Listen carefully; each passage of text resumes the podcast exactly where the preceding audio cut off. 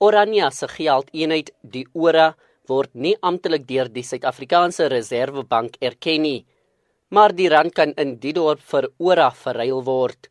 Die Kamer van Sakehandel druk die ORA note met 'n vervaldatum van 3 jaar. Die ORA is nie 'n amptelike geldeenheid nie, maar dien as 'n koopbewys. En met die bekendstelling van die e-ORA skep dit 'n geleentheid om die plaaslike ekonomie te bevorder. Die e-ORA gebruik dieselfde tegnologie as Bitcoin, maar dis nie 'n geldeenheid wat gemyn word nie, slegs 'n randgebaseerde geldeenheid. Slimfone word gebruik vir die handel. Sarel Roots van Orania se kamer van sakehandel. Men wil eintlik mense uitnooi dat hulle juise ook van die e-ORA gebruik sal maak en dit dan in hulle besighede sal implementeer.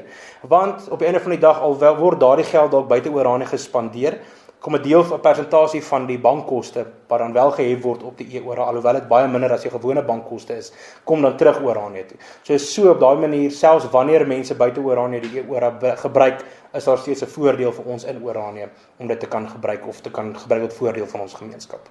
Die laaste afrondingswerk word nog aan die stelsel gedoen.